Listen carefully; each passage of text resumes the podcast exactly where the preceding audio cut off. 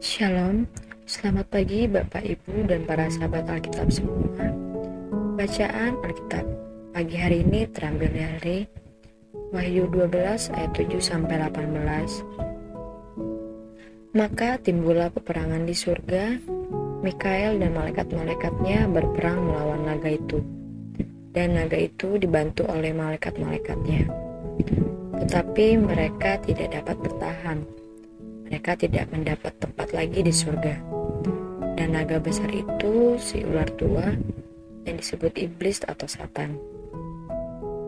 Yang menyesatkan seluruh dunia dilemparkan ke bawah, ia dilemparkan ke bumi bersama-sama dengan malaikat-malaikatnya.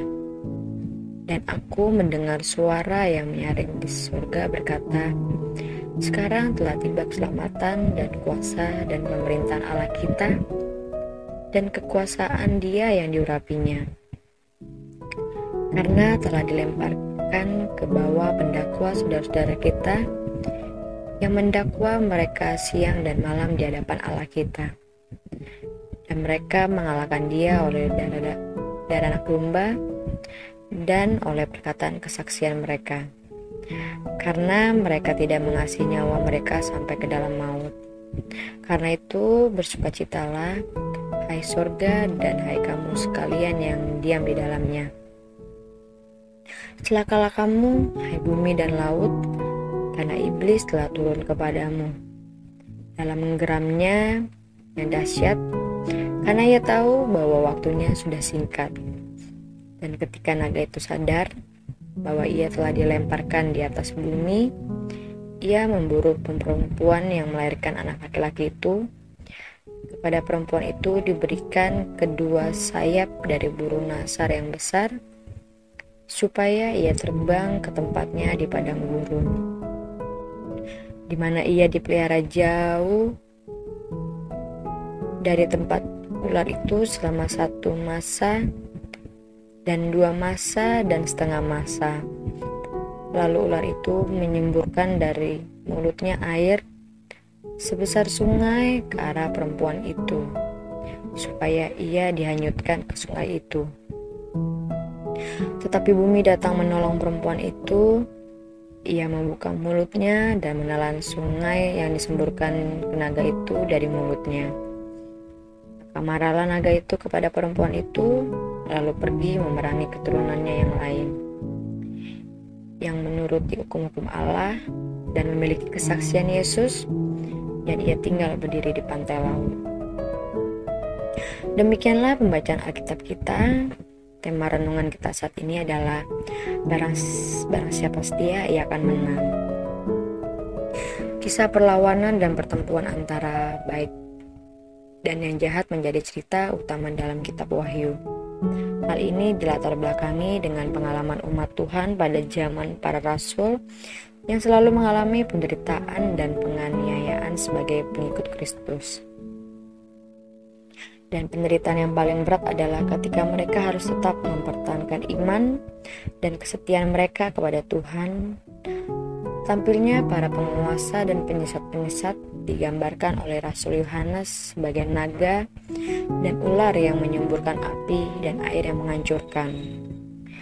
Mereka menggunakan kekuasaan dan nama besar mereka untuk mempengaruhi umat Tuhan agar meninggalkan iman mereka dan tidak setia kepada Tuhan.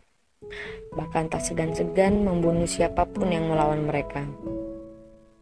Naga adalah simbol iblis lawan Allah. Sang naga semakin murka ketika mereka tahu akan kelahiran Kristus yang akan menghancurkan kekuasaan mereka.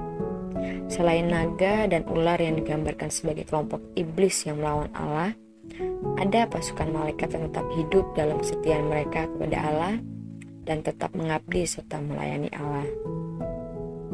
Maka di bawah pimpinan Mikael, malaikat yang setia melayani Tuhan akan melindungi umatnya dalam menghadapi peperangan dan penderitaan yang berat.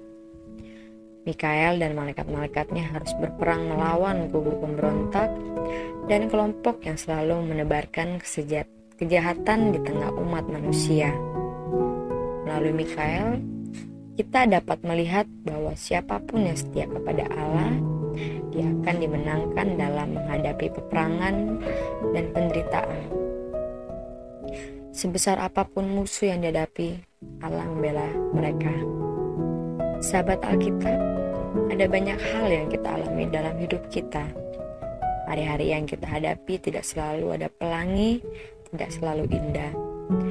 Kadangkala kita menghadapi persoalan dan pergumulan yang hidup yang berat. Entah yang terjadi dalam hati kita sendiri, warga kita, di tempat kerja, bahkan di gereja. Belum lagi sebagai masyarakat Indonesia, kita juga menghadapi berbagai pergumulan yang muncul dari sekelompok orang yang sengaja menebarkan kebencian untuk membuat hidup kita tidak aman. Namun firman Tuhan mengingatkan kepada kita, barang siapa setia kepada Allah, maka pergumulan seberat apa pun dapat diatasi. Melalui kematian dan kebangkitan Tuhan Yesus, Allah sudah menunjukkan bahwa kita tidak sendirian menghadapi penderitaan dalam hidup ini. Karena itu, tetaplah setia kepada Tuhan dan kita pasti akan dimenangkan. Amin.